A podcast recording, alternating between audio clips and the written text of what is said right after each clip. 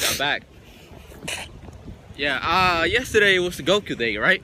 So I was the only one who wore the shirt. He has like a lot of Goku shirts and didn't wear it. I too.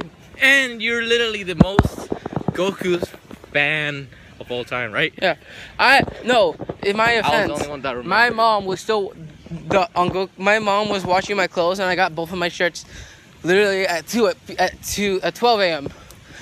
Like you know, however your parents call you, like they're like David, vení, and I'm like, see, It's like get get Uh, That happened to me three times. One at 10, another at 11, and another almost at 12. And then I had to stay up for like at least five minutes just in case to see if she was gonna call me, and she never did. And I passed out, and then she put my then she hung my clothes while I was asleep. Oh, if you can't tell, I'm sick. yeah, Poland. I, I don't even get sick. I'm always outside. I don't get I don't get sick. Shit. My hair is Oh fu- yeah. it's fucked up.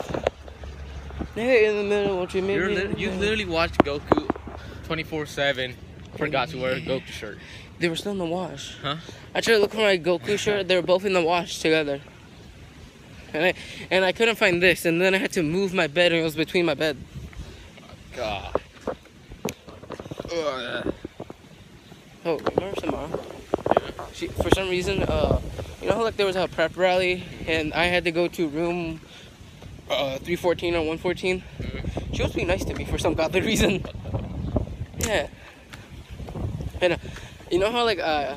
I, I, I, don't- I, I don't think I told you, but like I go on YouTube and like I start drawing stuff. Uh-huh. I was drawing my Super Saiyan God, Goku. I messed up the hair a little, and she thought it was great, and I I thought she was high the entire time. And she was with her like sophomore or junior boyfriend. No, just sophomore. Yeah, Fuck.